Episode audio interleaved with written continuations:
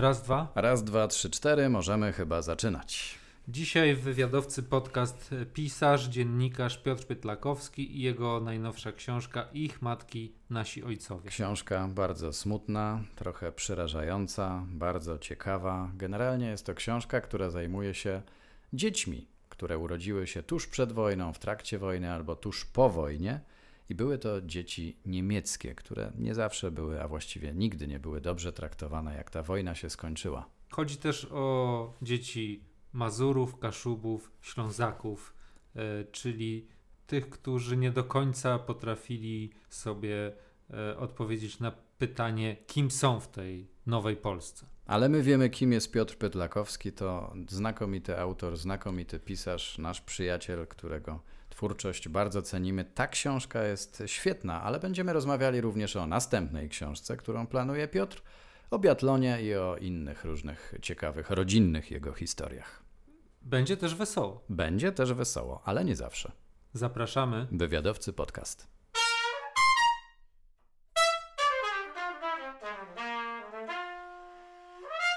Słuchaj, tę rozmowę właściwie musimy zacząć od przeprosin. No. Bo ty powinieneś być pierwszym gościem tego podcastu. I, i bardzo nawet, przepraszamy, tak. tak. Bardzo cię przepraszamy. Nawet był taki pomysł, ale raz nie chcieliśmy na tobie tutaj testować y, tych urządzeń nowych, a dwa trochę pandemia pokrzyżowała nam szyki yy, i spotykamy się teraz, a powinieneś być pierwszy, bo we dwóch nasz duet z, z tobą zrobił pierwszy, zrobiliśmy pierwszy wywiad z tobą. Niemożliwe, że to był pierwszy. To był nasz pierwszy Wy wywiad mi to wspieracie kolejny raz, to prawda, ale to nie mógł być pierwszy, bo byliście bardzo doświadczeni w ale, zadawaniu pytań. Ale byliśmy doświadczeni i działaliśmy do tej pory oddzielnie, ale jako duet rozdziewiczyłeś nas ty. Naprawdę? Tak, ja właściwie chciałem powiedzieć, że byłeś na, ojcem chrzestnym naszego duetu, ale to, że nas rozdziewiczyłeś, brzmi był, dużo lepiej. Był Marcin Meller, on y, wtedy zapowiadając wasze odwiedziny powiedział, że przyjdzie dwóch bardzo fajnych chłopaków, świetne wywiady robią. To, to, to nie był debiut. Ale skłamał, bo... ale zmieniliśmy bardzo Może nie klubowe. Skłamał, ale trochę podkoloryzował. Podkoloryzował, bo, bo ja, robiłem, ja robiłem wywiady wcześniej sam, Łukasz też robił wywiady, e, ale nie ze mną. I też dla Playboya. Tak, tak ale razem wcześniej nie, nie pracowaliśmy, więc to było nasze... E, Pierwsz, pierwsza wspólna praca w 2004 roku, 16 lat temu, byliśmy u Ciebie w redakcji polityki i co był w październiku, w listopadzie? To był tak. listopad i padał wielki śnieg. Pamiętam, bo no, 20, były takie listopady. Tak, 20 minut odśnieżałem samochód po tej rozmowie. Mm, I nagrywaliśmy rozmowę na magnetofon kasetowy. Mhm. Tak? To była nasza pierwsza rozmowa, a już drugą, nie pamiętam niestety z kim robiliśmy już y, ty przyszedłeś z dyktafonem cyfrowym, więc zakończyliśmy również z taśmą przygodę z tobą. Na taśmie jeszcze rozmawialiśmy. Nagrywaliśmy to na taśmę, wyobraź sobie. Dokładnie 16 lat, dokładnie 16 lat Dyktafony kasetowe miały y, pewne minusy. Y, czasem wydawało się, że nagrywają, a nie nagrywały. I tak właśnie jak nagrałem rozmowę z prezesem Niku, Lechem Kaczyńskim. To była rozmowa, która w ostatniej chwili była robiona, miała wejść już do numeru, który wychodził w poniedziałek, to był przegląd tygodniowy. A ja ją robiłem w piątek wieczorem. Nie pamiętam, co jakiś powód był. Nic mi się nie nagrało. A on żądał autoryzacji. Z, z pamięci. Z, z pamięci, bardziej z głowy. Znaczy, pytania znałem, odpowiedzi nie byłem, nie byłem w stanie słuchać wtedy. Mówił do, za wile dosyć, jak to prezes. I napisałem odpowiedzi tak, jak wydawało mi się, że powinny brzmieć, żeby było fajnie, dobrze i wyjaśniało wszystkie konteksty. No i ze strachem wysłałem mu do autoryzacji, ani przecinka nie zmienił. Też mu się podobało. Czyli ty byłeś jedną z pierwszych osób, e, która zrobiła to, co potem było bardzo popularne, czyli dziennikarze przeprowadzający rozmowy z gwiazdami, z którymi się nie spotkali. Ty to... zacząłeś tę modę. No, spotkał się, ale... Znaczy ja no się tak. spotkałem, natomiast y, bez znaczenia było, co mówi ofiara. Tak? To tutaj tak nie będzie, bo wszystko, wszystko Wszystko idzie, słuchaj. Ja nie wiem, podejrzewam, że jesteście w stanie wszystko tam Pomontować, pomontować. przemontować. Może się też nie nagrać, ale na razie się nagrywa, więc my jesteśmy jak zwykle na dwa baty. zawsze. Dwa tutaj, dwa urządzenia leżą i rejestrują. Kolejne nasze spotkanie było 3 lata temu, czyli po 12 latach. Znowu wywiad dla Playboya. I wtedy powiedziałeś, że zawdzięczasz nam naszą powieść, swoją powieść. To było bardzo miłe. Tak. I y, pytanie, a my z kolei powiedzieliśmy, że skoro tak, to życzymy ekranizacji. I czy są Nie. jakieś przymiarki do zekranizowania, wspom- zekranizowania wspomnień konduktora wagonów sypialnych? Nic o tym nie wiem, nie, nikt się do mnie nie zgłosił. Jeden kolega, operator filmowy, nie reżyser, ani nie scenarzysta, powiedział, że chętnie by się przymierzył do tego, ale ma głowę zajętą teraz czym innym, bo jest, został postrzelony na planie filmu reklamowego Patryka Wegi. Pamiętacie taką historię? A to słynna historia. No, tak. i To jakoś z helikoptera został postrzelony? tak, helikopter nadleciał, nadleciał za blisko. Snajper, prawdziwy snajper, który tam siedział w helikopterze, powinien mieć ślepaki, a miał ostry nabój. Trafił go w udo. Ledwo chłopak przeżył. No i cały czas rehabilitacja, bo No to już parę lat temu. To... No to dobrze, że wudo. Znaczy WUDO to jest właśnie strzał bardzo groźny, bo Dużo krwi. dużo krwi. tak, tak, tak, groziło mu wykrwawienie się. To Petro Aleksowski, yy, bardzo dobry fotograf, który w tym czasie robił własny film dokumentalny o weteranach z Afganistanu. I właśnie osoba, które wróciły jako okaleczone, bez nóg, bez rąk, jak funkcjonują i dokładnie w tym samym czasie dołączył do nich, stał się jednym z yy, no, osób niepełnosprawnych w Mhm. tym czasie. No teraz do, doszedł już do jako takiej sprawności, ale czuł się jak weteran z Af- Afganistanu. A chodziło o błąd ludzki, czyli snajper dostał niewłaściwą amunicję. Tak, on sam ją przygotowywał, zdaje się. Tam jest cały ciąg różnych zdarzeń dziwnych, bo ta sprawa w sądzie przybiera taki obrót, że właściwie nie ma winnych. To nikt nie ponosi odpowiedzialności, a według są przepisy tych planów filmowych, Tak. które precyzują, kto za co odpowiada. Jest jakiś kierownik planu, jest tam ktoś jeszcze, ktoś jeszcze i to wszystko jest, a szczególnie takie sytuacje z użyciem broni są bardzo nadzorowane. No, w tym przypadku okazało się, że właściwie nikt za nic nie odpowiada, co powoduje, że jemu się nie należy odszkodowanie ciągle. Stracił środki do życia, nie ma y, zajęcia, nie ma pracy I wciąż nie ma odszkodowania. i wciąż nie ma odszkodowania. No bo o to chodzi. Dlatego nikt za to nie odpowiada, żeby nie miał odszkodowania. No wiesz, to spiskowo tak można na to nie wiem, patrzeć, ale to jest takie, takie mm, systemowe, no, że Mhm. tak to się ciągnie jak flaki z olejem. Że mm, w niektórych przypadkach to człowiekowi może życie minąć, a nie, nie dojdzie z tego. To.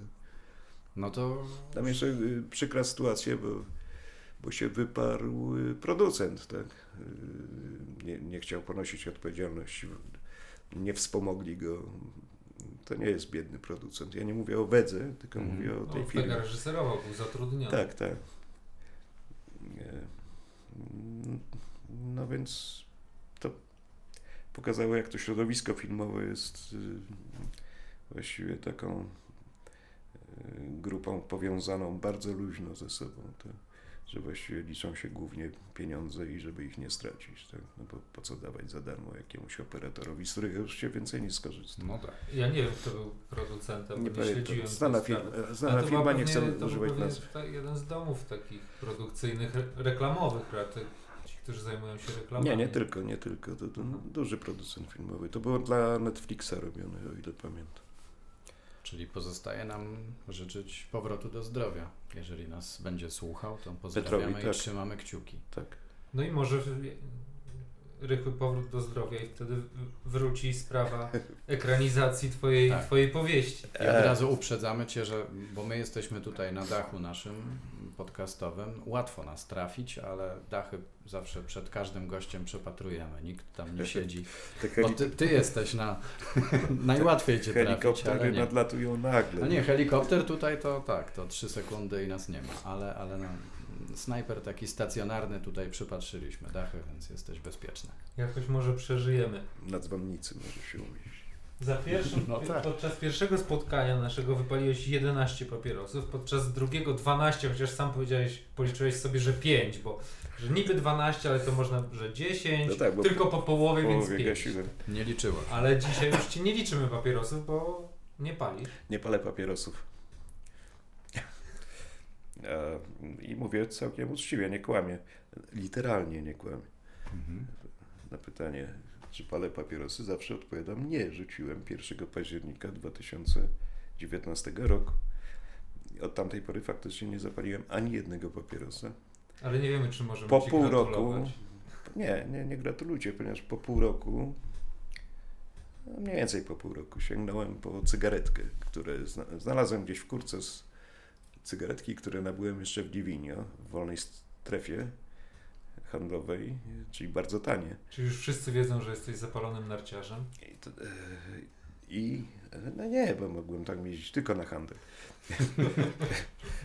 I, i, i, I one kiedyś mi bardzo smakowały, ale były za drogie dla mnie. Ale te Bivinio były tanie akurat. No jak je znalazłem, to tak chodziłem, chodziłem wokół tego, tego pudełka parę dni. A zapalę sobie wieczorem. Zobaczę tylko jak to smakuje.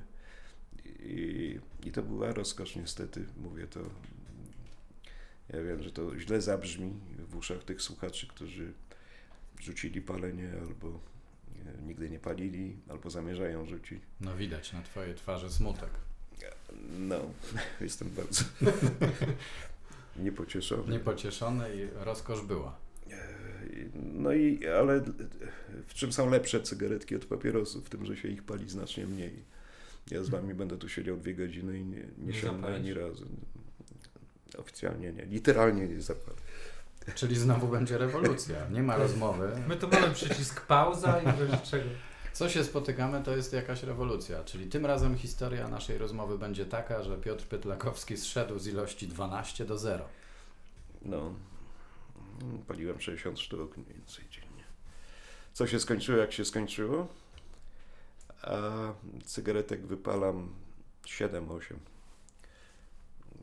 No. Ale ja się nie znam, one są mocniejsze, czy tak? Nie, one są mniej więcej takie jak y, te papierosy, jakie paliłem. Ale one na przykład odkładam cygaretkę i ona sama gaśnie błyskawicznie, nie marnuje się. I mogę jedną cygaretkę pociągać, no, takie szczegóły są potrzebne, Tak. pociągać przez y, 2-3 godziny. Kiedy mam ochotę wyjść, to wychodzę na balkon, bo w domu już kompletnie nie palę. Wychodzę na werandę, pociągam raz, odkładam, bo zapominam i idę sobie. Nie siedzę przed komputerem y, z odruchem sięgania po cokolwiek. A bo kiedyś wszystkie książki swoje i teksty pisałeś paląc papierosy. Tak, i to było odruchowe. Nie to, że musiałem palić, tylko taki nawyk, no, Mhm. nawykowy. A teraz się oduczyłem tego. To ustalmy, Czy- po ilu cygaretkach jesteś teraz? O godzinie tam 12.30 mniej Po dwóch. Po dwóch. Y, Dopalałem taką, którą zacząłem znacznie wcześniej. Trzy razy była inaugurowana, a dokończona była tutaj na ulicy Ty, Ty, Ty, Telakowskiej. Telakowskiej. To naprawdę dobry wynik. I teraz spotykamy się, żeby porozmawiać o Twojej najnowszej książce Ich matki, nasi ojcowie, niewygodna historia powojennej Polski. I jak rozumiemy, to jest Twoja pierwsza książka, którą napisałeś bez papierosa? Tak, y, nie.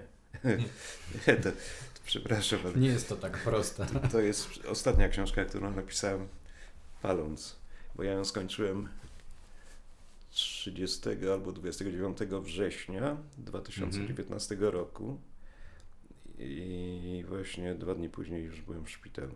Czyli można powiedzieć, dopadło mnie jak postawiłem ostatnią kropkę. A, to Organizm poczuł, że może się rozluźnić i Tak. wtedy I poszło. Tak. Napaliłem wtedy rzeczywiście jak smok. Czyli kolejna książka y, Piotra Pytlakowskiego będzie tylko na cygaretkach. Nawet nie na cygaretkach, no będzie, mm, nie będę niczego palił w trakcie pisania. Tak, Nie będziesz sięgał jak piszesz. tak, No tak. tak. No i właśnie dlatego boję się o efekt. Może się okaże, że wszystko, co ci wychodziło, to dzięki temu, tak? Czyli debiut przed tobą, debiut. Czy ta książka będzie tłumaczona na niemiecki? Wiesz coś na ten Nie, temat? nic nie wiem, nikt się nie zgłaszał, ale mm, byłoby fajnie. Sam też nie prowadzę jakichś rozmów. Będę miał spotkanie mm, z mniejszością niemiecką w Opolu, chyba 21 października, więc może tam y, mm, nie wiem, nawiążemy do tego, do takiej perspektywy. Tak. Tam się pojawią pewnie osoby, które mogłyby również ich historia życia znaleźć się w tej książce i wtedy... Tak, ja mam dużo takich głosów. y, Na pewno żeście na Facebooku widzieli y, Widzieliśmy. moją zapowiedź książki. Nie, ja nie mówię o spotkaniach, tylko Mhm. o książce. Czytaliśmy Ja to komentarze. dałem jako publiczne, z taką lekką obawą, że będą mnie atakować, ale tam nie, niewiele było takich głosów. Natomiast dużo y, głosów i na y, w prywatnych y, messengerach, że tak powiem, od osób, które miały podobne przeżycia, tak? jako dzieci. Czyli ta książka uruchamia falę pewnie, tak? Teraz. Jakąś falę, być może. Czyli taki hejt y, jeszcze cię nie dotknął chyba, ani Taki wydawnictwa. Ostry hejt nie, nie. Natomiast y, tak. Nikt, delikatny nikt hejt. cię nie nazwał Volksdeutschem, bo to jest jakby... To byłoby zabawne. to byłoby w tym kontekście bardzo, tak. To, ale nie, y, nie, tam są raczej głosy, to osoby, które przeczytały te kilka zdań, które tam napisałem, a nie oczywiście książki nie miały w ręku. Więc cały czas jest ten problem równowagi, tak, że w końcu czemu, czego oni się dziwią, ci bohaterowie tej książki. Y, Należało się za te 6 lat y, mordowania Polaków, tak, tu 6 milionów, a o czym my tu mówimy? No, ja w książce piszę, że nie ma takiej wagi, która by zważyła i zrównoważyła złe czyny po tej czy po tamtej stronie. Ani zważyła cierpienie. Ani cierpienie, a książka nie opowiada o sprawcach, ale o ich, ich w domniemaniu ich dzieciach, tak, o dzieciach niemieckich. To usystematyzujmy może dla wszystkich przyszłych czytelników, e, o jakich Niemców tak naprawdę tutaj chodzi, bo to nie jest takie proste. I tych grup trochę jest, prawda? Tak, znaczy e, przyjmujemy, że rozmawiamy o narodowości niemieckiej, ale mm, rozmawiamy też o Ślązakach, o Kaszubach, o Mazurach, o Warmiakach, e, o osobach, które e, e, na swoim, na, swoim hajmacie żyjąc, w wyniku różnych historycznych uwarunkowań, powstań śląskich, plebiscytów, ta ich mała ojczyzna była dzielona. Tak? Część trafiała do Polski, część do Niemiec, do przedwojennej Polski, do przedwojennej Rzeszy. I No, oni się czuli A przede wszystkim czuli- tutejsi. tak, miejscowi. Faktem jest, że nie znali polskiego, znali niemiecki, a Ślązacy głównie po śląsku mówili, który był językiem dosyć mieszanym. Yy, Podobnie Warmiacy, tak samo Kaszubi. To, to są grupy o bardzo takiej mm, określonej tożsamości, tak? On- Oni mają poczucie własnych korzeni. A potem to były już te ziemie odzyskane, i kiedy przyszedł nowa administracja, polska administracja już po, po początkowym okresie, kiedy to była rosyjska, sowiecka administracja, no to oni byli traktowani wszyscy jednakowo, to byli Niemcy jednak. Y, Dopiero później przyszło jakby takie pochylenie się nad sytuacją, że jednak są takie pewne różnice, które powinny powodować, że y, należy ich przeciągać na naszą stronę, na polską stronę, a nie zamykać w niemieckim getcie. Jakkolwiek by to nie zabrzmiało. No, ale to już było często za późno, bo krzywdy, których doznali na początku, już były nie do wyrównania. Te, no jak się czuje człowiek y, pozbawiony korzeni, któremu się zmienia nazwisko, któremu zakazuje się mówić w języku, jaki zna, który jest wynaradowiany tak naprawdę. No, czuję się tak jak Polacy pod zaborami, kiedy byli albo germanizowani, albo rusyfikowani. I często nie ma rodziców. I często nie ma rodziców, głównie ojców. To... No taka to historia. Chociaż też jest historia jakby mm, Polaków, Polaków z jakimiś tam, z pochodzenia Niem, Niemców, ale z XVIII wieku, prawda? Czyli już od dwóch, trzech pokoleń mówiących po polsku, nie znających nawet języka niemieckiego. No to... Więc można i w ten sposób mm, być uznanym za Niemca. No można, to już pewne zaszłości związane z y, prawem y, za Hitlera obowiązującym w Rzeszy, to, że człowiek y, spod Poznania zostaje, zostaje uznany za Niemca, chociaż sam siebie uważa za Polaka, zostaje wcielony do armii. Słynny dziadek z Wehrmachtu. Tak, tak. Potem uciekają jedni w tą, w tamtą stronę niesamowity czas to był. I po powrocie do Polski, to do siebie, tak? Polak wraca do Polski, to, to jest traktowany jako Niemiec, czyli już y, czwarta kategoria. No tak, bo akurat w przypadku tego bohatera, dlatego, że podpisał Volkslistę, no bo właściwie należało ją podpisać, żeby. No nie było, jakoś tak, nie było innej. Czy wy, był wybór taki, że on wylądował tak. w sierocińcu, a, a rodzice, rodzice w Łagrze? No tak, jakoś tak. Więc to nie jest wybór żaden. I te historie Twoich bohaterów tutaj pewnie też zastanawiam się, czy to jest jakiś Twój wybór y, z bohaterów, których mogłeś umieścić w tej książce, czy to już jest, czy to są wszyscy, y, którzy do Ciebie się zgłosili, bo często tak było, że dostawałeś listy do redakcji o, mm, na pewno o, o Erwinie Kruku pisałeś jeszcze w ogóle wcześniej. Czy to jest jakby Twój wybór, y, czy powstałaby druga książka jeszcze? Czy musiałeś ciąć tak brzydko to brzmi. Ale tak nie, jeszcze było kilka losów, ale już się pokrywały, więc nie chciałem się powtarzać. Wybierałem historie, które mają jakiś potencjał oryginalności w sobie. Nie wszystkie być może e, były dokładnie w tym samym duchu, ale tak się starałem. Natomiast y, druga książka być może mm, powinna powstać, y, kiedy po przeczytaniu tej książki będę miał y, więcej kontaktu z ludźmi, którzy, którzy y, będą chcieli się podzielić swoimi historiami. To już się zaczęło, więc jakby dlatego tak y, mówię. Ja nie, nie chodzi o to, że mam optymizm czy pesymizm co do tego, bo w tej chwili nie mam planu pisania drugiej części, ale być może będzie taka potrzeba, jeżeli się zgromadzi tego więcej. Właśnie, będzie bo, materiał. Bo to była potrzeba, ten temat znalazł Ciebie, czy Ty chodziłeś za tym tematem od dawna? Jak to? Jaka była motywacja? Czy nie, w ogóle nie, nie myślałem o tym temacie yy, aż do yy, yy, chwili, kiedy się dowiedziałem, że w Aleksandrowie Kujawskim po wojnie polscy milicjanci dokonali pogromu Cyganów. I okazało się to nieprawda. Pamiętam, że pojechałem, to był rok mniej więcej 2003 chyba. Pojechałem do mm, Ciechocinka, gdzie mieszkał król cyganów i go tak męczyłem, żeby się podowiadywał, o co chodziło z tymi cyganami w Aleksandrowie Kujawskim. I on mówi, sam nic nie wie, zaczął się dowiadywać.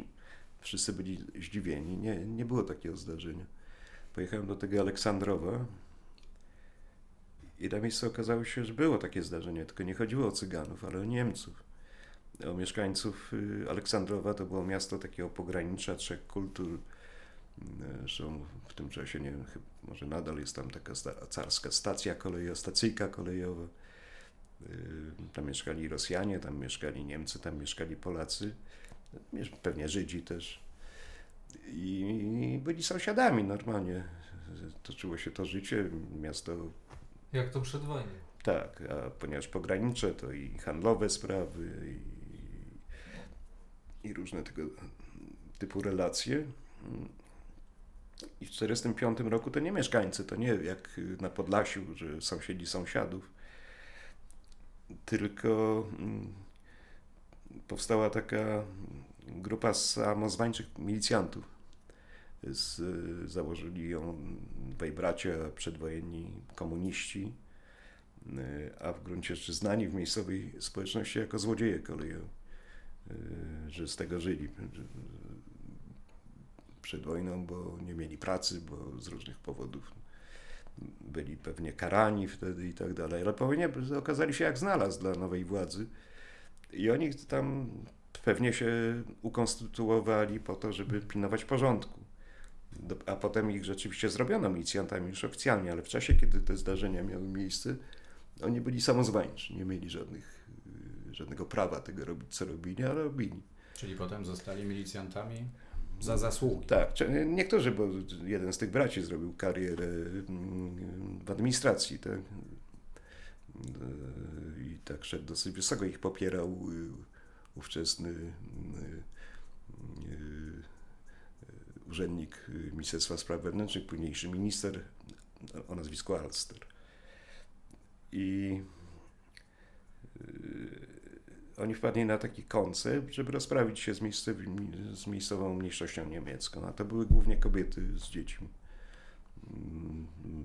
Mężczyźni albo nie wrócili z wojny, albo już nigdy mieli No albo jeszcze starcy, kalecy pewnie. No, Ci, którzy tak. się nie nadawali, nie nadawali do wojaczki. I jestem przekonany, nie było innej podstawy, nie było innego powodu, żeby to zrobili. To był jedyny powód, jaki właściwie się tłumaczyłby ich zachowanie to był motyw rabunkowy, tak? Chcieli obrabować tych ludzi.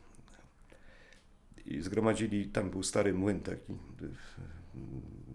na przedmieściach Aleksandrowa i w tym młynie urządzili taki obóz internowania dla tych dzieciaków i dla tych kobiet. I oni znikli, ci ludzie, tak? Nigdy już y, podobno prowadzono ich do Y, obozu w Potulicach, gdzie był obóz dla Niemców. Znaczy to było miejsce, w którym zawsze był jakiś obóz, teraz tam jest więzienie. I nie doszli do tego obozu. Poza nielicznymi wyjątkami. A, y, I potem zapadła cisza na kilka dni, a po kilku dniach ta sama grupa milicjantów pojechała do Nieszawy, i w Nieszawie urządziła pogrom takich samych Niemców jak w Aleksandrowie, kobiet, dzieci, e, topiąc ich w Wiśle. Ja napisałem wtedy dwa teksty, dwa reportaże takie historyczne. Wiedzę zdobywając w sposób reporterski, chodząc od człowieka do człowieka. Jeszcze żył wtedy jeden z tych milicjantów, nie głównodowodzących, tylko wykonawców. E, córka, córka tych jednego z tych braci bardzo niechętnie, ale ze mną rozmawiała. Yy, chodziłem od domu do domu, tak, i, i takie okruszki. Z tych okruszków yy, budowałem tą historię. I potem yy, pamiętam, że jakaś była wrzawa z tego powodu, yy, bo to taka historia, nikt o tym nie wspominał i tak dalej miałem czaty, jakiś czat, redakcja polityki organizowała, tam miejscowa młodzież aleksandrowska i nieszawska do mnie zwracała się z pytaniami albo z swoimi refleksjami. Wyszło, że właściwie to była tajemnica taka mm, głęboko skrywana, ale przechodząca z pokolenia na pokolenie. Też na zasadzie okruchów oni się dowiadywali czegoś tam. Była to rzecz wstydliwa, tak jak yy, Podobna, podobny mechanizm jak w Jedwabnym. I, I poprosiłem wtedy, żeby ludzie zaczęli pisać e, listę, opisywać swoje historie, jeżeli coś wiedzą na ten temat. I dosyć bogatą korespondencję miałem i między innymi osoby, które później wykorzystałem ich losy do ich opowieści w tej książce o Niemcach, o ich matki, nasi ojcowie to z częścią z nich już wtedy miałem pierwszy kontakt. I ja wtedy nawet jeszcze nie myślałem, że będę z tego budował jakąś historię tego rodzaju, ale potem ze względu na ilość tych, tych, tych, tych relacji uznałem, że warto. I zbierałem to tak po, powolutku, latami. Jechałem gdzieś w teren i wiedziałem, że kogoś tam spotkam, z kim się umawiałem, to przy okazji to, Mhm. To ciągnąłem. Czyli zbierałeś to mniej więcej tyle, ile, W- ile tak. się znamy. No, Tak, tak, tak wychodzi. No, można tak powiedzieć, no nie, na początku nieświadomie, No tak. znaczy bez takiego planu, a później już tak. Bo dostałeś na pewno A już taki plan miałem od 2013, czyli 7 lat już temu. konkretne. Tak, żeby to zrobić. Wtedy ruszyłem y, y, w pierwszą taką turę, potem w drugą. Y, Śląsk, Śląskopolski, Zielona Góra, gdzie już miałem celowe spotkania umówione z myślą o książce, która, którą pisałem też z przerwami. No wydawnictwo ze mną zawarło umowę. Wziąłem zaliczkę, ale z umowy nie mogłem się wywiązać z terminu umowy bo w tym czasie pisałem dla tego samego wydawnictwa na szczęście inne książki, które były akurat Czyli przymknęli. na czasie bardziej. No tak. I, o- znaczy nie tyle przemykali, no sami mi też proponowali. Mhm. I żeśmy negocjowali tak, że to będzie przychodziło, że ten... Tak już byłem wycieńczony tą perspektywą, że ja w końcu tego nigdy nie skończę. E, Że już usiadłem i do, do tego stopnia usiadłem, że nie wstałem. A wcześniej dostawałeś no na pewno e, listę od e, Zygfryda Kapeli w ogóle.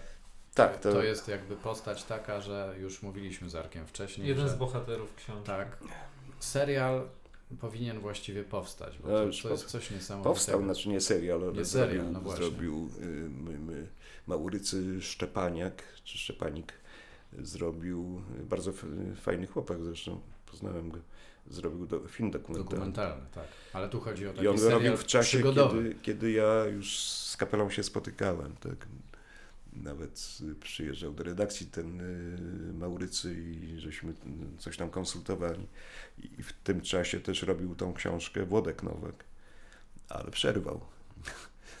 Bo nie robił, bo też nie miał czasu. Te, O tym samym bohaterze. o tym bohaterze. No, byłem wściekły, kiedy się dowiedziałem, że jednak Włodek y, y, odnowił materię, tak, i jednak przystępuje do finiszowania, bo ja już byłem zaawansowany w zbieraniu materiałów. Ja miałem tyle, stos papierów dotyczących Zygfryda i A mówimy o książce Niemiec, wszystkie ucieczki Tak, Zygfryda. tak. Czytasz ją nie, teraz? nie, nie, Obiecałeś to Obiecałem, ale jeszcze że nie jak miałem postawisz kropkę, to zaczniesz ale czytać. nie zacznę teraz. Zacznę i przeczytam, ale Ale nie teraz. Nie. teraz. W każdym razie historia, polecamy całą książkę i jest naprawdę wielu ciekawych bohaterów i te historie są głównie smutne, bardzo smutne nawet. Ale ta historia nie jest smutna. To jest chyba taki wyjątek w tej książce, bo y, nie myślałem, że się zaśmieję czytając Twoją książkę, a parę razy czytając historię z Zygfryda Kapeli, która nie jest wesoła, ale jest po prostu jakoś y, raz, że świetnie, świetnie napisałeś, to, to jest Twoja zasługa, ale jest coś w tym bohaterze takiego, że on nie, on nie wzbudza tak bardzo współczucia, chociaż, chociaż, chociaż też, ale e, jest i do śmiechu, i do płaczu. No taka postać że, że, szwejk, szwejkowa trochę. No. szwejkowa postać, No, tak, że, że można, że, że można po Szwejk prostu... nie miał serię, serii skierowanej w nogi, on miał. No nie tak. miał, tak, ale to tak jakby, że coś tam właśnie, że aż mi aż głupio było, jak czytałem, że czasami się uśmiechałem, bo to trochę nie wypada. Nie, najzabawniejszy okres, ale też najbardziej taki charakterystyczny dla, dla naszej historii. Tak, to była ta solidarność jego działania, Tak. Jakie podejmował wtedy. Właśnie To to było tak, on się angażował w Solidarność, mając nadzieję, że to mu pomoże uciec do, do Niemiec, bo takie było od dziecka właściwie Tak. jego marzenie, bo ta No pierwsza, się- pierwsza próba ucieczki, nie wiem, no, trochę spoileruję, ale też bez, bez przesady, on miał 11 lat, tak? Jak, Tak, tak. jak spróbował uciec do Niemiec, to trochę jak y, e, 100 lat do nieba, tak? To, No tak, tylko nie miał tyle szczęścia i być może pomysłu, Mhm. bo on pojechał pociągiem po prostu. Tak, Nie miał właściwie chyba żadnego pomysłu, No, poza żadnego, tym, żeby tak. pojechać. No. Że tęsknił do babci. Tak. tak, że tęsknię do babci. ale całe życie miał, było zdeterminowane ucieczką, tak? więc robił wszystko w tym życiu. Został palaczem w kotłowni, też po to, żeby uciec. No. Nie po to, żeby było ciepło. No. To byłby genialny, historyczny serial dokumentalny. Tylko, y, żeby był dobry, to niestety musiałby być również y, budżetowy bardzo. To, No. to nie byłaby tania opowieść. Ale historia niesamowita. I ja widziałem, że masz chyba cały czas kontakt z panem Zygfrydem. On pisze Tak. komentarze pod, po- pod twoimi postami. E, bo on właściwie jak już uciekł do Niemiec, to było w 88 chyba, tak?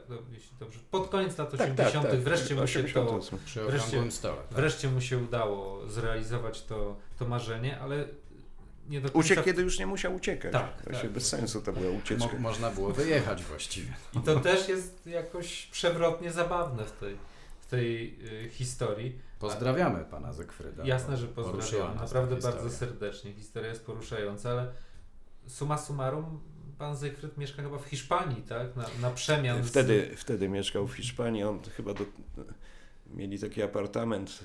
Trochę pamiętam, tu, w trochę Toledo, czy, Pod, piszesz, że pod Malagą. Mhm. czy tak. pod Malagą, z widokiem na morze. Y, Apartament w apartamentowcu, y, gdzie mieszkania wynajmują albo posiadają sami emeryci właśnie z y, Niemiec, z, ze Skandynawii. Tam sąsiadów Finów miał. Ludy północy. Bardzo dobrze się tam czuł. Natomiast y, potem ściągał do, do Niemiec i co ciekawe, kupił y, mieszkanie w, w Guben. Y, Czyli obok Gubina. tak. Przy samej granicy. Tak, czy- oglądał polską telewizję i czytał polskie gazety. On w ogóle jest kibicem sportowym, Mhm. więc kibicuje, nie wiem, czy szmaciarzem z Legii też, ale chyba nie. Po Nie, tym, no, co pewnie kibic wczoraj Chyba było. nie. Chyba kibic prawdopodobnie, bo on jest spod Zielonej Góry, prawda? To gdzieś, Tak. to, to gdzieś tam, to jak, jakiemuś zespołowi. I, i, czyli mieszkają Nie, lokalnie nie, Nie, nie, nie. on jakoś tak, polskiej reprezentacji. na przemian w Gubinie i w tej w Tak, tej ale Hiszpanii. teraz, y, W Guben, teraz mieszka, znaczy książkę wydawnictwo wysłało na wskazany przez niego adres, czyli pod Monachium mieszka. w Rosenheim. Bawarii, Widziałem, tak. bo, bo, bo, bo Jak się jedzie na narty, to się przejeżdża tam. Rosenheim, bardzo ładne miasto, dobrze mi znane, świetny browar. To, tego nie wiem akurat. Nigdy się nie Ale to, to, zatrzymywałem. to mieszkanie w Guben już jest nieaktualne, tak? Czy teraz nie, ma- chyba aktualne, A, okej. ale tam nie, nie wiem nawet Pozdrawiamy i Guben i Rosenheim. Y, Bo tam córka, bo Mhm. znajomi, nie, nie wiem No dlaczego, tak, no ale ty- To ma- mieszkanie przy granicy jest jakby w ogóle No. takim podsumowaniem jego historii. Zygmunt Tak. i Renata. Renata jest Polką stuprocentową, nie jest Niemką. Jego Małżonka. żona. Są na emeryturze, mają, y, zdrowie im dopisuje, więc y, emerytury mają niezłe, niemieckie, więc jeżdżą gdzie chcą. Y, Można powiedzieć, że to jest taki zwrot kosztów za te, za te życie pełne ucieczek. To, to trudne życie. Ale z drugiej strony jest zgoła inna historia człowieka, który do ciebie napisał, Henryka Kowalskiego. To już nic śmiesznego tam właściwie nie ma, ani No nie, zabawnego nie, w tej historii, bardzo- więc bardzo ponura historia, chociaż no, poruszająca, ciekawa i też w jakiś sposób podsumowująca w jakiś straszny sposób y, to wszystko, co mogło się wtedy wydarzyć. Właściwie no mogłoby być gorzej, bo mógłby nie przeżyć, ale Mhm. mm, no niesamowite. I to, to, jest, to jest też człowiek, który do ciebie napisał, informując, że wszystko, co ci opowie, może wyjść po jego śmierci i ze zmienionym imieniem i Tak. nazwiskiem. Był wtedy już w takim stadium raka, że Mhm. no, no to była kwestia, nie wiem, tygodniu, miesięcy. Przeciągnęło się na 2-3 lata, już nie pamiętam dokładnie, ale ponieważ mieszkał pod Krynicą, było mi bardzo po drodze do niego, bo jeździłem często, znów te narty się pojawiają. e, Przeważnie e. Narty pomagają. Y, Rzeczywiście jest to historia taka, takiego udanego, prawie udanego wynarodowienia człowieka. Tak? Był, był chłopiec z niemieckiej rodziny, tata, który zginął na froncie, mama, która była mm, admiratorką Firera, dziadek, ojciec ojca, który przeciwnie, Który nie był. socjaldemokrata, który nawet jakiś czas spędził w, obozie, który potem y, służył w służbie pomocniczej, kiedy już pod Koszalin y, podchodzili Sowieci i nie przeżył tego oblężenia. I chłopiec, który właściwie chyba tylko dzięki instynktowi, tak? Przecież on tego nie wymyślał, że będzie udawał niemowę, Niemowę. albo I to parę lat. Będzie udawał Polaka. Tylko tak mu instynkt podszeptywał, tak się najlepiej zachować w danym momencie. To pewnie w genach to jest przeniesione z jakichś czasów zagrożeń. Nie. I został Polakiem, tak, Henrykiem Kowalskim. Yy, adoptowanym przez polską rodzinę spod Częstochowy. Właściwie był im potrzebny tylko jako parobek, ale traktowali go dobrze, jego i drugiego chłopca z tego Karmili, z, z tego nie bili. Tak, tak. Wtedy to było całkiem dużo dla No. takiego chłopca. I to potraktował jako odskocznię do dalszego życia. No już miał nowe papiery w ogóle. Sam w sobie się wyparł niemieckość. Tylko te pieśni, piosenki czasem mu powracały. z dzieciństwa. Jest tam też e, oczywiście historia Erwina Kruka, który jakby mam wrażenie, że jest najbardziej znaną w ogóle postacią dla ogółu. Mhm.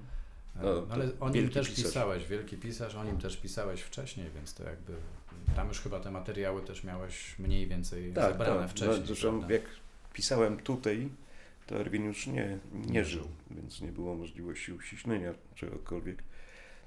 Tam bardzo mi pasowała jego historia do tej książki. Chodziło, chodziło o ojcowiznę, kwestia tego spadku. I właściwie y, jak wyzuto jego, jego brata z, z ojcowizny, tak, z majątku, który posiadali. Nie, nie chodzi o jakieś pałace, tylko o ziemię, o dom. Nagle wszystko stracili, bo w oczach ówczesnej władzy już byli tą kolejną kategorią. Nie mieli do tego prawa. I przez później już y, on zaczął starać się o odzyskanie tego już w latach 2000 tak naprawdę. Może pod koniec 90. Y, No dobijał się jak od ściany, nie, nie, nie pokonał tych barier i, i umarł nie odzyskawszy niczego. Bywał tam na tym cmentarzu w Dobrze, taka miejscowość. Y, Kilka kilometrów od, od szosy, teraz od ekspresówki, a wtedy od tej szosy siódemki. To, y,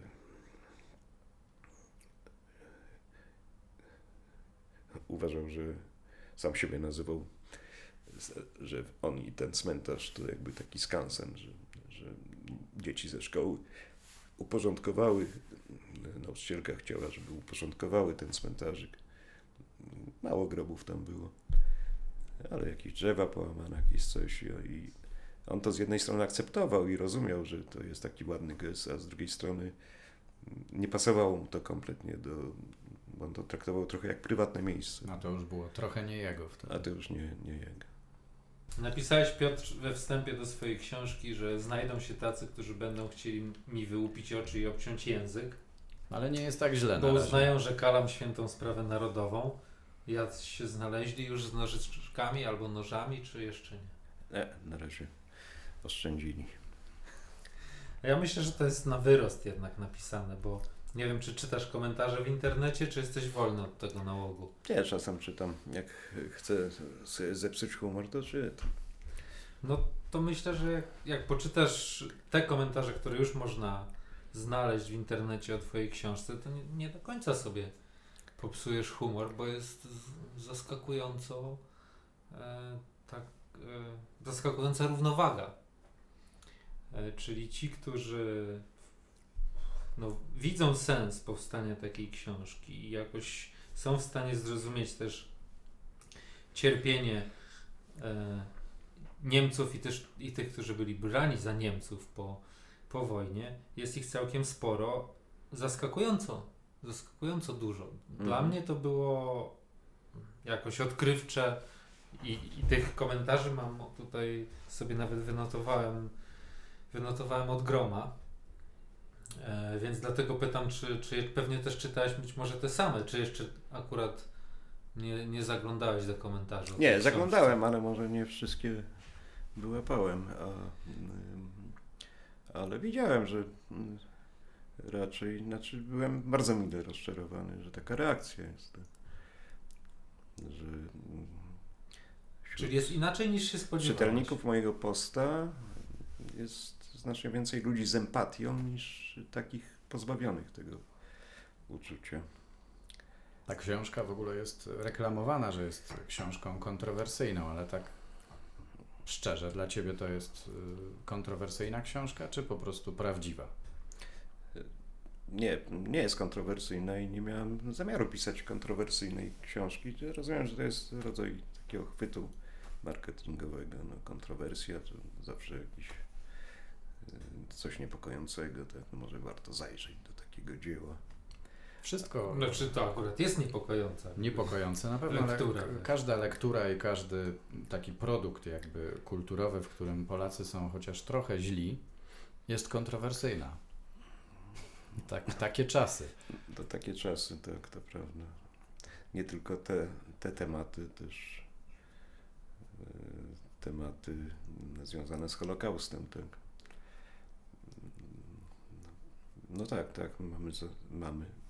Nie, powinno się właśnie mówić w imieniu społeczeństwa, każdy Mhm. mówi we własnym, ale daje się zauważyć, że takie zakodowane dosyć głęboko poczucie własnej wartości, która wyklucza jakąkolwiek złą wolę, złe działania, udział w y, zbrodni, to nie my, to tamci.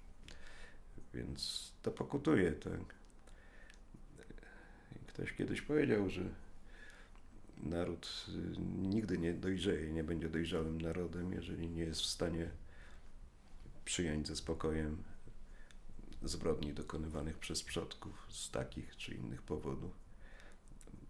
Wyparcie nic nie daje, trzeba się z tym zmierzyć, zapoznać, uznać, że tak było. To. W tym sensie y, jesteśmy Słowianami, tak nie różnimy się od Rosjan, którzy bardzo umiejętnie zacierają historię. Jesteśmy do nich podobni. Jakkolwiek by to nie zabrzmiało.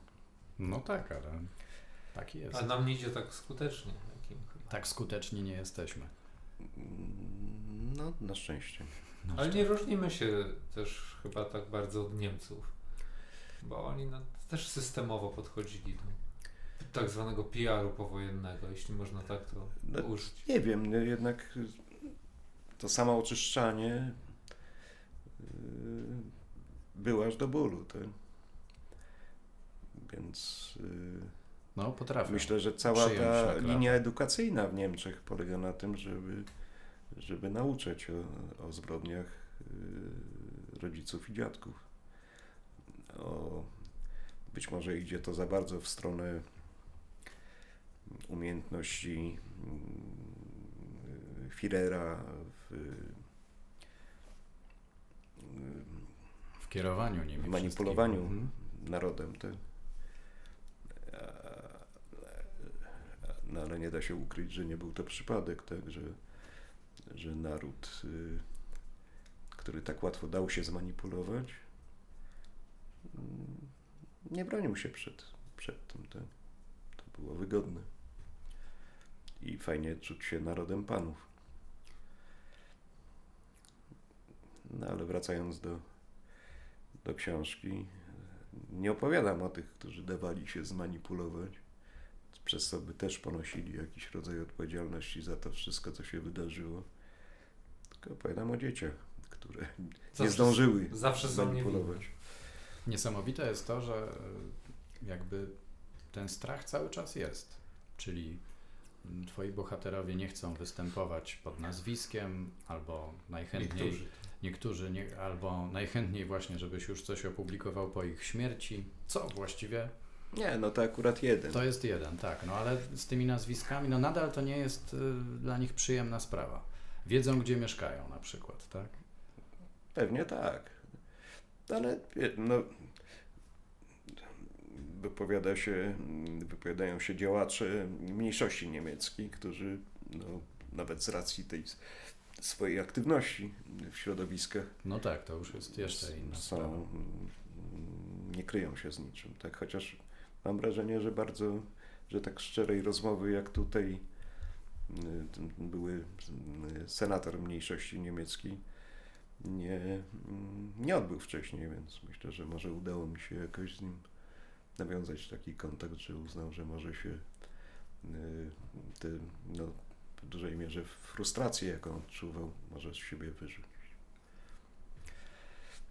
Że może ci się zwierzyć tak naprawdę, bo to jest jakby zrzucenie mm, Coś, coś historii całego tak. swojego życia. W recenzjach znalazłem takie zarzuty wobec ciebie, że za bardzo generalizujesz i obaczasz winą za samozwańcze akcje odwetowe na ludności niemieckiej sumienie całego polskiego narodu, na co wskazuje chociażby sam tytuł książki, że to jest niewygodna historia powojennej Polski. No to jest podtytuł To jest podtytuł. i nie jest mojego autorstwa. Nie masz z tym nic wspólnego.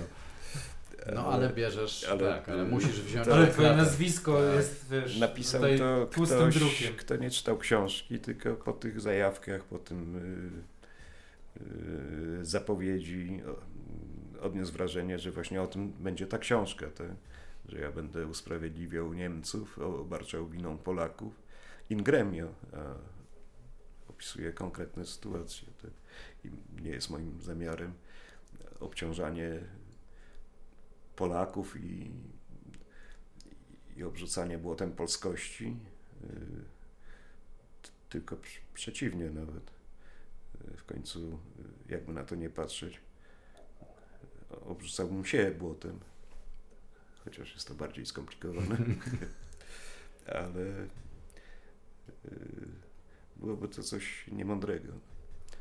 Ale też nie przyczepiajmy się, bo jakby słowo niewygodna myślę, że jest tu na miejscu, bo po przeczytaniu tej książki nikomu jakoś bardziej komfortowo i wygodnie nie jest. No i dobrze. I o to właśnie chodzi. Ale ten tytuł y, Ich matki, nasi ojcowie to był twój tytuł od samego Tak, początku? od, y, tym, po tym filmie y, niemieckim Nasze matki, nasi ojcowie, uznanym za marny film, pełen przekłamań, zresztą stereotypów i tak dalej. y, Pomyślałem, że to fajny tytuł jest. I go przerobiłem na potrzeby. Przewrotnie Jasne. się zachowałeś. Ta książka mogłaby się nazywać jeszcze bardziej komercyjnie Dobić bestię. Zresztą cytujesz coś takiego, bo może komercyjnie, ale jeszcze bardziej niewygodnie chyba. No tak, ale, Ale tym nie, nie nie miałeś takiego pomysłu. Czyli niewygodna historia powojennej Polski to jest podtytuł, y, który nadał wydawca po Tak prostu. jest. Z którym Piotr Książce. Pytlakowski nie ma nic wspólnego. Z którym się nie utożsamiasz, ale go jakoś jednak akceptujesz. Tak, zaakceptowałem. No, ja nie było czasu, nawet nie miałem głowy w tym czasie na, na takie nie, kłótnie. Ale że nie kłóciłbym się. To są drobiazgi tak naprawdę. Niesamowite jest to w ogóle, że większość Twoich bohaterów przyznaje, że należało nam się, bo, bo to Niemcy wywołali wojnę. To jest, y, to jest no, niesamowite, jest to przerażające, smutne i jakby Ja, znaczy, ja to myśl- czytuję inaczej, że to nie jest y, taka, takie przyjęcie na siebie całej winy, bo mój naród wywołał wojnę i dlatego należało mi się, że byłem wynaradawiany, tylko raczej zrozumienie y, drugiej strony, tak? Ci, co to robili, którzy mnie źle traktowali, wejście w ich buty. jakby. mieli do tego jakieś podstawy. Tak? No ja zostałem akurat ofiarą w tym momencie. Ale y, to nie jest tak, że oni sami siebie uważali za winnych historii. Tak? No, historia się dzieje niezależnie. To było bardziej godzenie się z losem. Tak, i, i oni podkreślali, że często to się pojawia, tak, że do Polaków nie mam żalu. Do Polski też nie mam żalu. No może były senator. Trochę więcej żalu z różnych powodów. Ale mm, to są ludzie pogodzeni przeważnie. Tak? Zresztą ta pani z miejscowości Pruszków nomen omen, ale pod Opolem, która 90 parę lat. Świetnie się czuję. Ostatnio, znaczy tuż przed wydaniem jeszcze patrzyłem, czy tam się nic nie zmieniło, nie działa dalej. I ona jest wręcz zadowolona z tej y, swojej historii, tak? pełna optymizmu, pisze wiersze, jest szanowana w lokalnej społeczności. Była jako aktywna zawodowo, była pielęgniarką, pomagała ludziom. Straciła korzenie, ale nie straciła hajmatu. I dożywa życie tam, gdzie się urodziła. No Wciąż i jest realizuje tutejsza. się, jest zadowolona, tak. Wciąż jest tutejsza. Tak. Ale to jest niesamowite właśnie to, że jakby historia różnie może się potoczyć i siedzimy tu we trzech i zaraz się może okazać na przykład, że również możemy wziąć odpowiedzialność za coś, za co odpowiedzialności brać nie powinniśmy, ale takie życie, warto o tym pamiętać. Chodzi ci o to, że będziemy zmuszeni wziąć odpowiedzialność. No, odpukać. Mam nadzieję, że nie, ale ci wszyscy bohaterowie twoi też na pewno o tym nie, nie, nie wiedzieliby i nigdy by nie chcieli. Tak historia się potoczyła, więc na tym to polega. To prawda. Warto o tym pamiętać. Ja właśnie po przeczytaniu tej książki pomyślałem sobie, że mm, a dlaczego, a dlaczego za 20 lat też mogłoby się coś dziwnego nie wydarzyć? No, to się czasami dzieje. Chodzi ci o to, że nas nie dotknęła historia w, w takim sensie, jak, No. jak ich nas właściwie historia musnęła w Tak. porównaniu. Cieszę się z tego, ale zawsze może różnie być. Nas w sensie urodzonych po wojnie. Nas tak, nas Ale my się dzielimy też między sobą na urodzonych y, zaraz po wojnie, k- kilka lat później po wojnie, kilkanaście lat po wojnie i kilkadziesiąt lat po wojnie.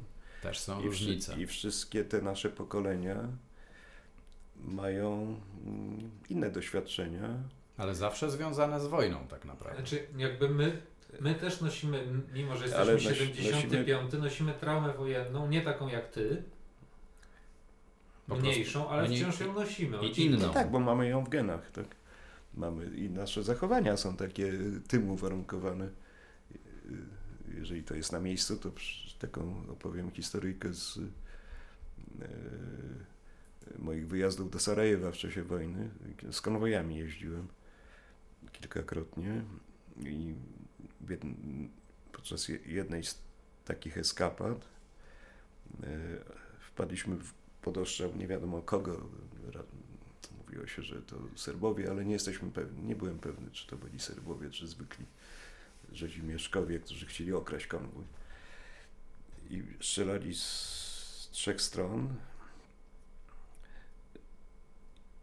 I instynktownie my byliśmy, to był autobus taki, gdzie byli dziennikarze i tam jakiś serwis pomocniczy tego konwoju. Wszyscy Polacy, a jechaliśmy w takim konwoju polsko-francuskim.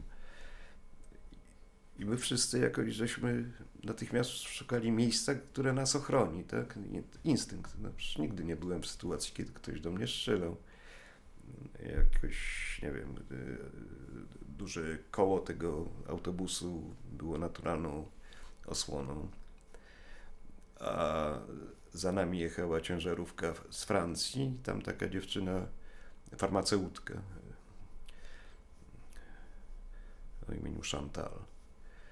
Y, Zapamiętałem to imię też dlatego, że wcześniej grywałem z nią w szachy na postojach.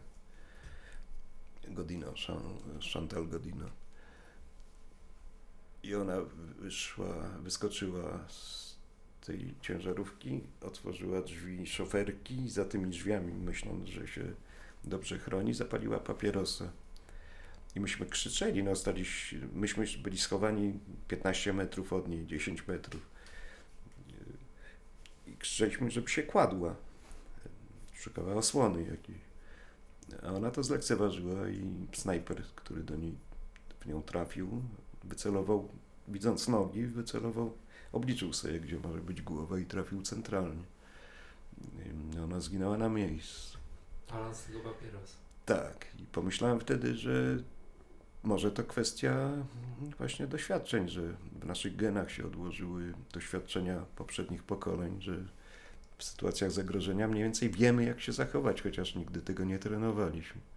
A ona tego nie miała. No.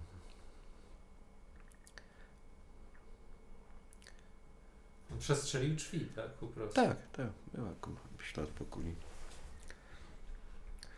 E, notabene potem się okazało, że nasz instynkt też niewiele by pomógł, gdyby chcieli nas wszystkich pozabijać, bo okazało się, że myśmy się chronili, będąc przekonani, że strzały padają tylko z jednej strony, a one padały z trzech stron. Mhm. I jak kryliśmy się za tym kołem, to ci z drugiej strony mieli nas na, na swoim widoku, ale może oszczędzili, widząc jak sprytnie się chronimy. Docenili tak, nie? Docenili, tak. Tak, chodziło pewnie o co. Jak się skończyła ta historia? E, Przyjechał mm, taka jednostka UNPROFOR-u, czyli ONZ-owskich wojsk złożona z y, francuskich legionistów chyba y, cudzoziemskich. I wpadł taki, oni z kotami podjechali, trochę nas zasłonili i taki gruby zaczął krzyczeć do nas kurwa, chować dupy, chować dupy, po polsku. Był Polakiem. Pytamy, co, jakim pan jest? Co pan tutaj? Jestem kapusta z Legii Cudzoziemskiej. No i tak kapusta, można powiedzieć, uratował nam. Uratował Dupy. wam życie i dupy, tak. Czyli rozumiem, że napastnicy się ulotnili, jak zobaczyli ten... Tak, znikli. Nie, nie wiem, czy ich schwytano, czy nie. Nie wiem, jak to się skończyło. Czyli jedna ofiara śmiertelna. Tak, i dwóch y, kolegów, którzy jechali, jechali mm, takim Volkswagenem transporterem.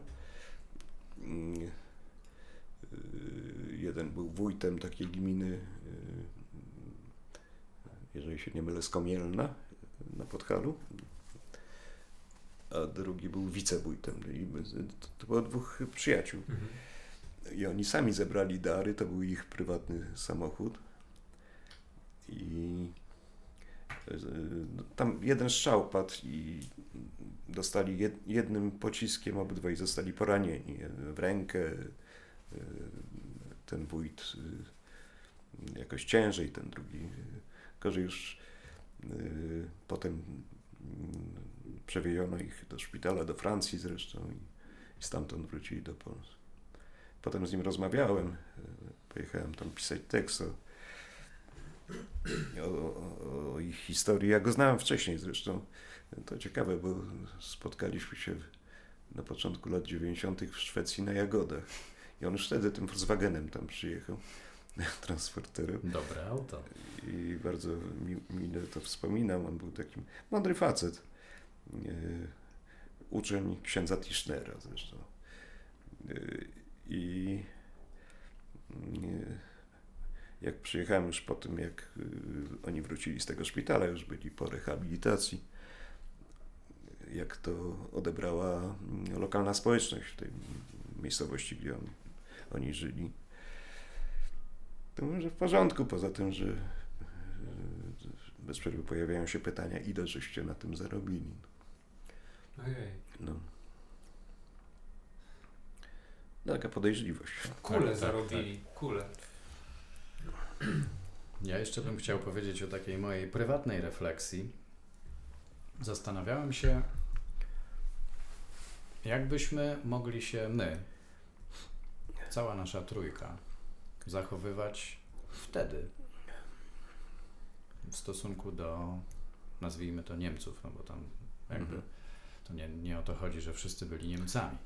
Tylko, że jest coś takiego, że człowiek o sobie zawsze myśli, że jest jakby no, zawsze uczciwy, zawsze świetnie postępuje w takich czasach jak dziś, że właściwie człowiek nie jest postawiony do jakiegoś konkretnego zachowania, bo, bo czasy są dość neutralne i spokojne, mimo, mimo różnych niespokojnych, przynajmniej tu, u nas w Europie.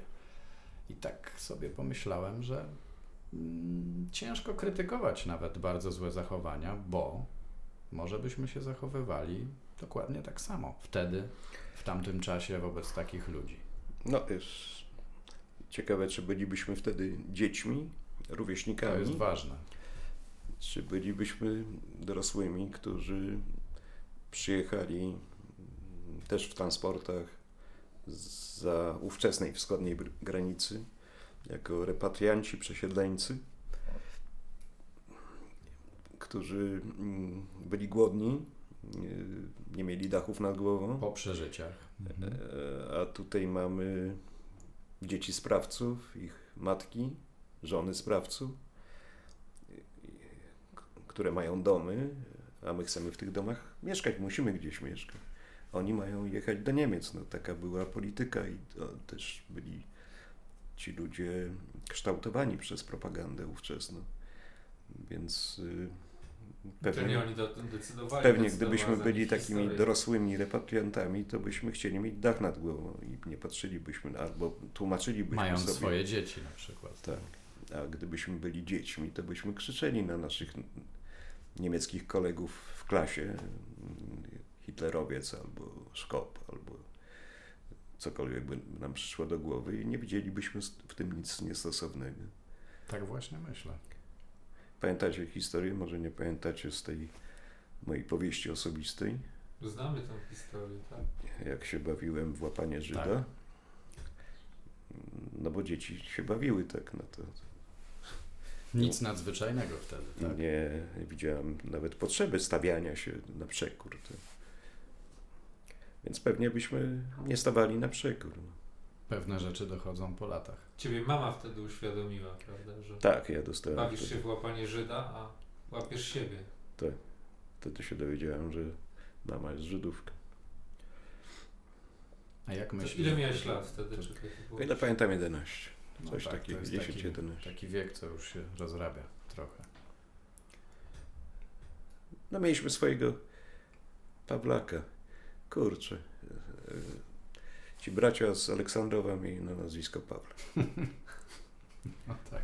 A propos tego Aleksandrowa, bo no to mówiliśmy o tych dwóch pogromach. Właściwie IPN się powinien tym zająć, się chyba zajął, ale sprawa jest z tego, co sprawdzałem, umorzona, tak? Tak, tak, no z powodu niewykrycia, znaczy, yy, że sprawcy nie żyją. Tak? Nie ma osób, yy, których można pociągnąć do odpowiedzialności. Znaczy, wydaje mi się, że IPN yy, powinien ciągnąć to dalej no, w sprawach, y, które prowadził prokurator Ignatiew z Białego Stoku dotyczących Jedwabnego i innych miejscowości. Sprawców też nie było, ale on wykonał taką pracę, która pozwoliła na odtworzenie y, przebiegu zdarzeń. Przesłuchał kogo się dało tam w Aleksandrowie i w Nieszawie też można było to zrobić w tym 2003 czy 2004 roku. E, więc to jakby uważam, że ten pion prokuratorski chyba zbyt gorszy, z Gdańska zbyt gorszy, nie wiem kto tam wtedy to robił, tak poszedł taką najkrótszą drogą. Uznać, że czyn był, ale sprawców nie ma, no i tyle. Czyli pamięć jest zatarta. No już teraz tak. Wygumkowana. Ja się zastanawiam, co na przykład, jak myślisz, co y, twoi rodzice powiedzieliby dziś, y, czytając twoją książkę? Aha. No właśnie. Co by mogli pomyśleć? Jakie refleksje by mieli? Być no może też odkryliby same nowości dla siebie. No ja myślę, że ludzie z ich pokolenia wiedzieli znacznie więcej niż przekazywali swoim dzieciom. No to rozmawialiśmy o tym. Y, nie wiem, co by, czy ta książka by ich rozsierdziła, że czym się y, ich syn zajmuje. Ale myślę, że nie. Mama była bardzo empatyczna i nawet jej no, niesamowita trauma związana z wojną, taka, której nie da się opisać, opowiedzieć, ani zrozumieć nawet, by nie przeszkodziła, żeby no, poczuła jakąś więź z tymi dzieciakami opisywanymi przeze mnie. Ojciec był chłodniejszy, więc y, myślę, że nie, nie rozdzierałby szat z tego powodu, ale nie, wyrażał też, nie wyrażałby też entuzjazmu. No chyba, żeby uznał, że książka jest dobra, dobrze napisana i nie ma znaczenia o czym. To Warsztatowo. Zależałoby mi na takiej opinii mhm. mojego ojca. Oboje byli dziennikarzami. Ojciec był pisarzem. Pisarzem. No, tak. A, bo mama przeżyła okupację na aryjskich papierach, prawda? To, Tak.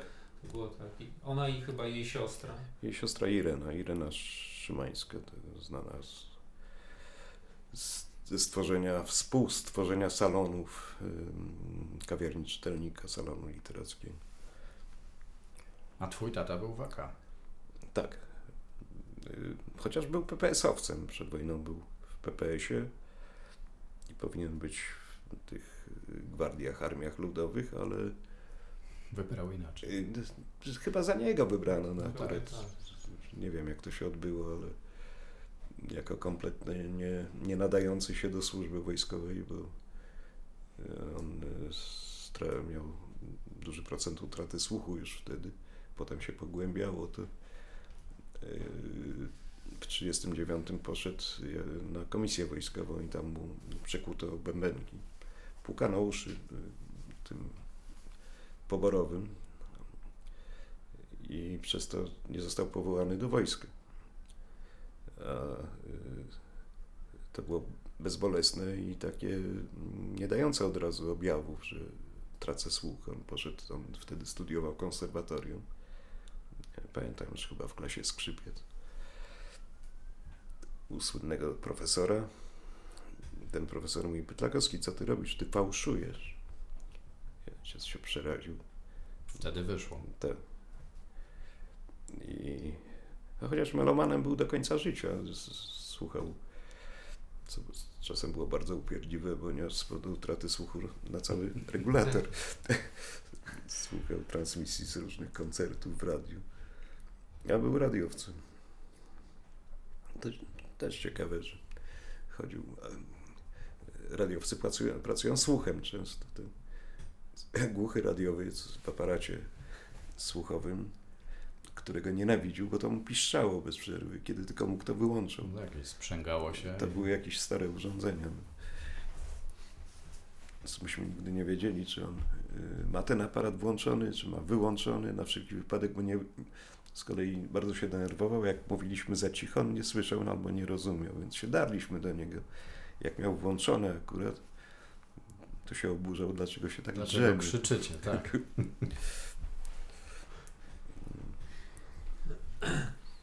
Ja jeszcze chciałem Cię pod, podpytać, bo to, to jest sprawa, która raz mnie ciekawi, a otworzyliśmy ją w jednym z, z naszych wywiadów. Mianowicie, Ty pracowałeś w szpitalu MSW. No, często o tym gadaliśmy już. Tak, gadaliśmy o tym, to była jakby Wiwisekcję żeśmy przeprowadzali. super praca i też polecamy wszystkim Twoją powieść, ale po, tym, po tej pracy jako sanitariusz na oddziale neurologicznym byłeś wpisany w akta jako salowa i też e, w związku z tym trafiłeś do Aktes B, bo wszyscy pracownicy szpitali byli katalogowani, tak można Tak, to powiedzieć. chodziło o biuro C, które przechowywało kadrowe dokumenty z y, jednostek podlegających MSW. a To był szpital MSW na ulicy ówczesnej Komarowa, dzisiaj Wołoskiej. I, ty, i, I to jest tak, że znalazłeś się na liście Wilsteina, na której były i ofiary, i, i ci mniej fajni, ale y, wiem, że się starałeś sądownie o to, żeby tego twojego rekordu w Tak, e, tak, IPN-ie nie było jednak, no żeby- bo jako salowy, znaczy żeby to usunięto, żeby- żeby nie, dziennikarze pokroju, czy w rodzaju Doroty Kani i innych, którzy sięgają do akt IPN-u, szukają haka na kogokolwiek, więc jak szukali haka na mnie, to nagle o, bo znaleźli, salowa. Jest. bo, bo znaleźli sygnaturę. Tak. I wokół tego można już było budować różne dalsze historie. Całą książkę pewnie można napisać, jak się bardzo No tak, chce. ale no, no właściwie żałuję, że nikt nie napisał aż całej książki na ten temat, By go to kosztowało. bo bym mm, miał mm, wyjazdy narciarskie do końca życia. Ale rozumiem, że za resortowe dzieci, w których zostałeś pomówiony, dostałeś jakiś rodzaj zadośćuczynienia. Tak, poszliśmy na ugodę, nie chciałem mi się już łazić do sądu. Właściwie to przedsądowa ugoda nawet była i oni bez zmrużenia oka yy, przyjęli te warunki ugody. To... Liwinio się cieszyło. No Liwinio czy tam Szladming, czy... Ale Ja się cieszyłem. czy to by się udało to przeprowadzić przez, bo to trzeba było chyba sądownie. Tak, nie, przegraliśmy przed, y, na- najpierw odbijaliśmy się od y, ówczesnego prezesa IPN-u, który mówił, że nie ma takiej mocy prawnej, nie ma takiego przepisu, który pozwala na usunięcie rekordów. To jak już się tam pojawi, to musi być do końca życia. Myśmy to podważali i mm, poszliśmy do sądu y, najpierw y, wojewódzkiego sądu administracyjnego, potem naczelnego i niestety y, oni to odrzucali. Przy czym nawet ja byłem na, nie na wszystkich, ale na kilku z tych spraw. I- w uzasadnieniach ustnych y, sędziowie wyrażali solidarność ze mną, ale nie mogą nic zrobić, bo takie jest prawo.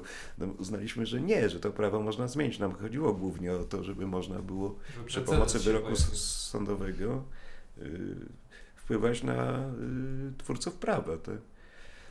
Y, I y, jestem to troszkę daleko od przebiegu zdarzeń, ale wiem, że ten mój y, mecenas, jeździmy razem na narty, więc tak oficjalnie mówię mecenas, y, kie- skierował do Strasburga, tak? Y, Więc zobaczymy. Czyli sp- sprawa jest w Strasburgu, to Jest- co zapowiadałeś. Jest w Strasburgu, tak. Ale nie ma stamtąd żadnego. Nie, nie, właśnie muszę go spytać. Bo, Czyli toczy się. no. To nawet nie chodziło o mnie, ale jest bardzo wiele osób w takiej sytuacji. W podobnej W sytuacji. podobnej sytuacji, a nawet bardziej zabawnej jeszcze. A dla niektórych y, dosyć y, dyskomfortowej, tak jak się ktoś z rodziny dowiaduje, że, że mm, jest w, w rekordach, które wyniósł y, Bronek Winstein i figuruje tam jako nie wiadomo kto podejrzany, na pewno tajny współpracownik albo, jest. albo tak. funkcjonariusz wręcz, to ukrywał to przed rodziną, no to, no to wywołuje różne takie reperkusje, które nam mogą się wydawać zabawne, ale dla tych osób jest to bardzo mm, kłopotliwe. Tak? No tak. A jedyną winą w cudzysłowie jest to, że pracowali na przykład w szpitalu Tak, no, to, to, to właśnie przy, przyjaciel z tym razem, żeśmy poszli do pracy. To od y, szwagra y, usłyszał właśnie, że a, ty na pewno kablowałeś, bo jesteś na tej liście Wittsteina, bo się bez, bezkrytycznie podchodzi do takiej listy. No. I mówi to y, szwagier, młodszy chłopak, który, któremu ten mój przyjaciel pomagał przez całe życie, jakoś tam dbał o niego, bo trochę taki zagubiony. E, A potem nagle taka złość z niego wyszła, się dowiedział czegoś, co musi być niesamowite i mieć potworną wagę, a Janek był sanitariuszem, tak samo jak ja. Tak samo jak ty był wpisany jako salowa. Salowa, a potem był nawet gipsiarzem, awansował, gips zakładał. To już prawie jak pseudonim agenta. Gipsiarz. Gipsiarz. Albo seryjnego Na- zabójcy. Nadawałby się, nie? Tak, tak. Ja mam dwa pytania jeszcze. No, No. zmierzamy do końca. Jakie plany książkowe i czy wreszcie powstanie jakaś książka o Piotra Pytlakowskiego o biatlonie? Słuchacze nie wiedzą pewnie, ale jesteś fanem biatlonu. My Tak, Nie Ostatnio. tylko fanem, ale też człowiekiem, który się na tym zna. no, nie wiem, czy... Lepiej niż przeciętny Polak. Nie wiem, czy znam się tak samo jak Wojciech Kuczek, tak? No tak. Albo świętej pamięci, znała się świętej pamięci Ja- Janka Parados. Natomiast y, nie, o biatlonie nie powstanie. Nigdy.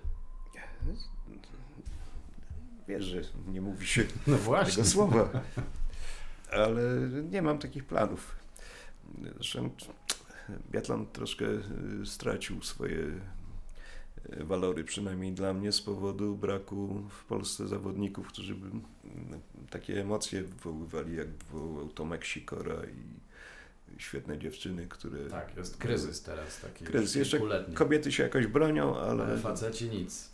ale niestety, nie wiem, wychodzą za mąż, rodzą dzieci, przestają, chociaż były świetne, przestają biegać no, Nowakowska właśnie zakończyła karierę, chociaż mogła jeszcze sporo lat uprawiać tę dyscyplinę. No ale to tak oczywiście mówimy na marginesie i w sposób zabawny to jest. Ja wiem, że mam taką taki feller, że właśnie ten biatlon to nie jest feller, no to wszystkim emocjonował, nikt tego nie był w stanie zrozumieć, poza. Natomiast y, tak, mamy, mamy pomysł y, na książkę razem z Czerkiem Łazarewiczem. I Cezary Łazarewicz to jest człowiek, który mm, chyba jest rekordzistą, jeżeli chodzi o ilość pomysłów i tempa wydawania książek tak. najróżniejszych. No niestety, gdybyś miał na głowie jego kredyty, też byś to musiał Teraz już wiemy, co za tym stoi. Natomiast y, no jednak gwarantuje poziom tych książek Czarek. Zdecydowanie. Y, I dlatego poprosiłem go o współpracę przy projekcie, który wymyśliłem. Wymyśliłem go latem, nie, w czerwcu. Y, jechałem do Augustowa na tydzień i po drodze pod miejscowością Szczucin, Szczucin gdzie była tam miejscowość na szlaku śmierci z 1941 roku, gdzie sąsiedzi zabijali sąsiadów. E, wisiał przy szosie baner z napisem Ustawa 447 zagraża niepodległości Polski. pomyślałem sobie, że to jest, to e, mi zgrzyta, że ten baner akurat jakiś konfederat, nie wiem kto, wywiesił w tym miejscu, gdzie mm, lała się żydowska krew, a sprawcami byli Polacy. I pomyślałem, że być może jest to człowiek, który mieszka w jakimś domu, na jakiejś działce, którą jego dziadek, może pradziadek e, uzyskał dzięki temu, że Żydzi z tej ziemi znikli, tak, że była to jakaś własność żydowska wcześniej, a potem tak zwana pożydowska. I pomyślałem, że właściwie wszystko, co napisano o Jedwabnym i o pogromach, o Radziłowie, Rajgrodzie, Goniądzu, Bzurach, to są wszystko bardzo wartościowe książki, artykuły historyków, publicystów, ale one cały czas opowiadają o jednym, o sprawcach i ofiarach. Są dwie linie, tak? Druga linia, która mówi, że sprawcami byli Niemcy, to jest e, wikłanie w to Polaków, jest antypolskie. E, historycy mówią nie, no my mamy dokumenty, tutaj wszystko zostało opisane już w latach 40. Tak? A ja pomyślałem, że e, ten przeważnie w kryminalistyce tak jest, ten jest sprawcą, odnosi korzyść. Kto odniósł korzyść na tym, że ci Żydzi zostali wtedy wymordowani, ci ludzie, ci Polacy narodowości żydowskiej. A oni mieli swoje domy, swoje działki, swoje warsztaty, nie mówiąc już o ruchomościach typu pierzyna, garnek, rower, cokolwiek. Co się stało z tym majątkiem? Y, jaka jest droga, jaką działka zajmowana przez e, Żydów, rodzinę żydowską. E, jaką drogą ta działka przechodziła potem z rąk do rąk, kto ją nabywał, e, za ile,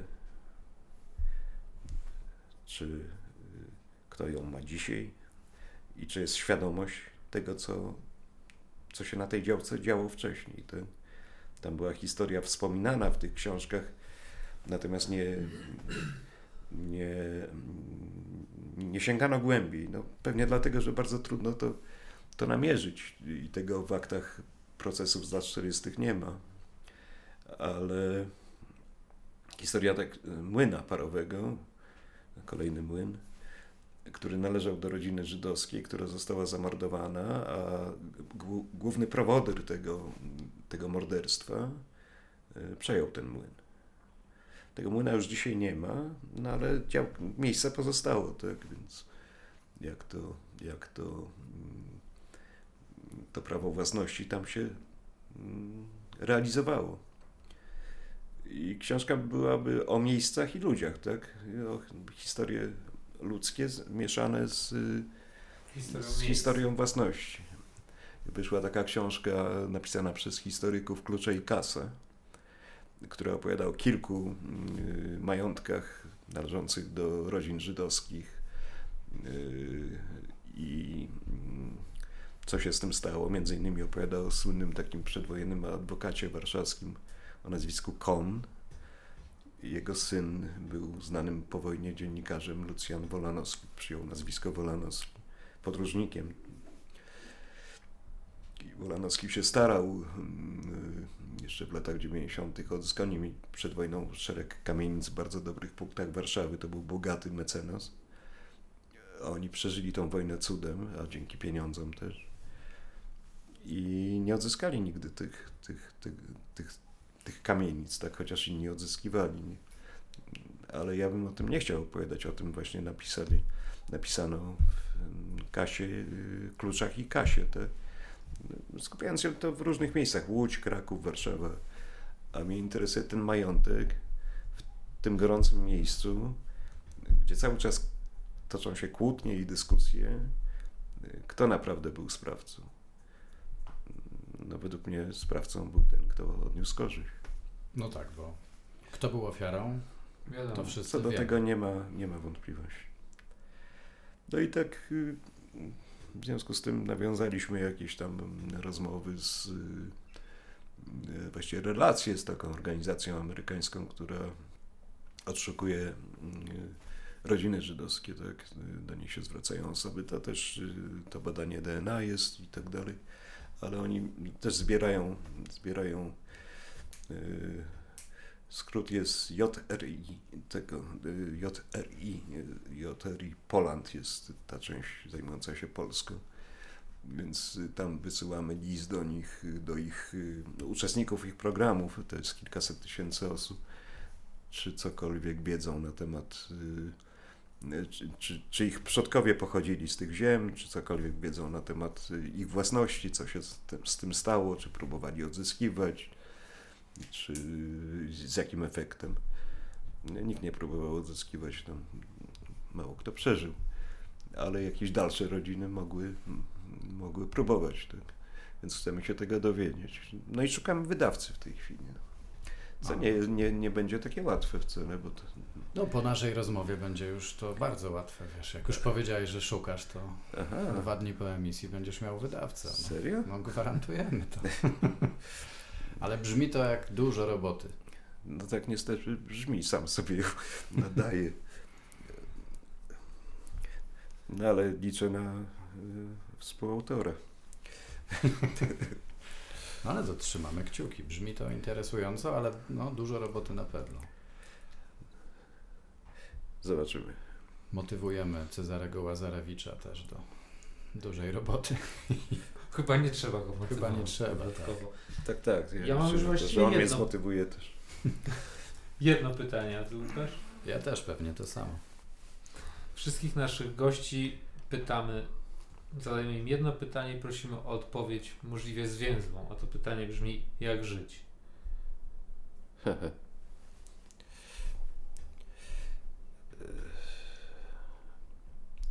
Uczciwie.